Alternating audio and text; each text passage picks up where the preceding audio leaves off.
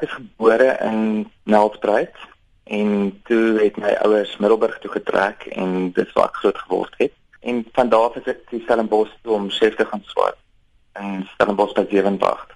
Na my chef swatting het ek gaan toegepaste ontwerp swat in Stellenbosch en deel van dit was ek moet sê internskap doen by 'n plek en dit het ingekom by L tydskrif in Suid-Afrika en hulle het my gehelp om oor te kom Frankryk toe Parys en dit het in Parys opgeëindig het en daar 'n paar uh, vir 'n jaar so spandeer en toe ek in Monaco privaat chef op 'n boot gewees en ja, dit het ek net 'n klein plekkie gesoek wat Jan kan huisves.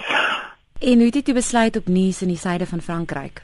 Van die jaat af het ek oorgegaan om iets te soek en so half net om iets persoonliks te kan doen. Toe in Nice, dis net hierdie beautiful ou, dit's 'n ou Vespa winkeltjie gewees. Um, en dit was goedkoop en dit was net agter die poort en die hele area is amper soos 'n Woodstock van Kaapstad en dit was perfek geweest.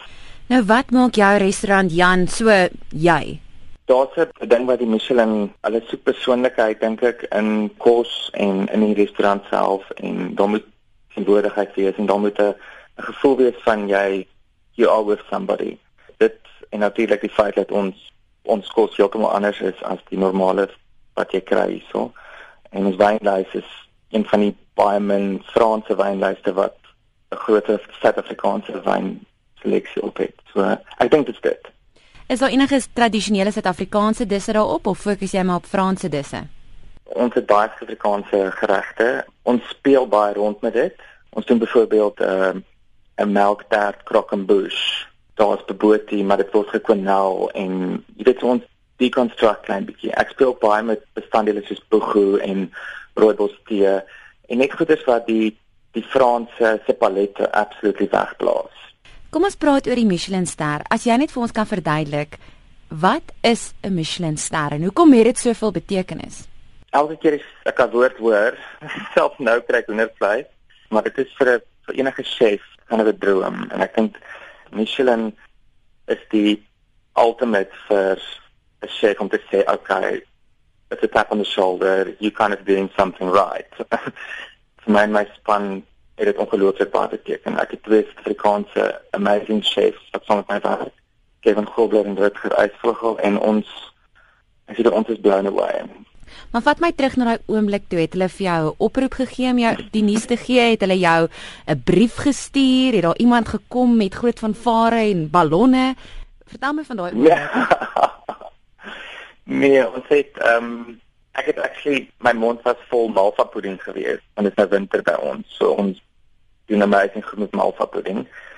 Ek het omgedraai en my ehm um, my tradie het my gesê, "Chef, there's a phone call for you and my outside personal um en dit is net van hy nou praat nie ek is besig. Om so daar's daar's 'n fliek uit wat ook sê jy die mense wag twee aande vir antwoorditeit en dan bel jy en ek het nie gedoen dit gaan weet nie.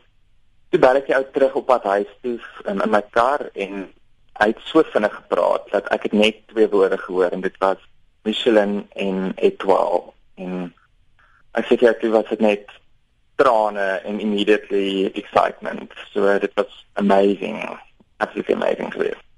Nou Jan Hendrik as 'n Suid-Afrikaner in Frankryk, was dit 'n uitdaging geweest om om jou restaurant daar te begin as 'n buitelander? Maar dit sou ons het ehm um, ja, ek ek nog nooit vir mense baie gesê actually van hoe moeilik dit was vir my nie, maar dit was dit was nogal baie baie intens. En ek ja, kom met dit song uh, om in Frankryk te bly met jou Frans kan praat en dit was vir my baie groot uitdaging om die besigheid te bestuur ook en om internasionale mense by jou te kan hê en dis so standaard mense wat jy inbring obviously van die begin af ons iets bereik het. So jy het hierdie oomblikke gehad dat ek net in die badkamer gaan sit het met 'n bottel mampoer wat my pa elke 2-3 maande vir my stuur en net 'n shot gevat het en daar was soveel misverstande aan die begin. Jy bestel 'n kwyl en dan kom daar ag eende half lewendig aan die volgende dag.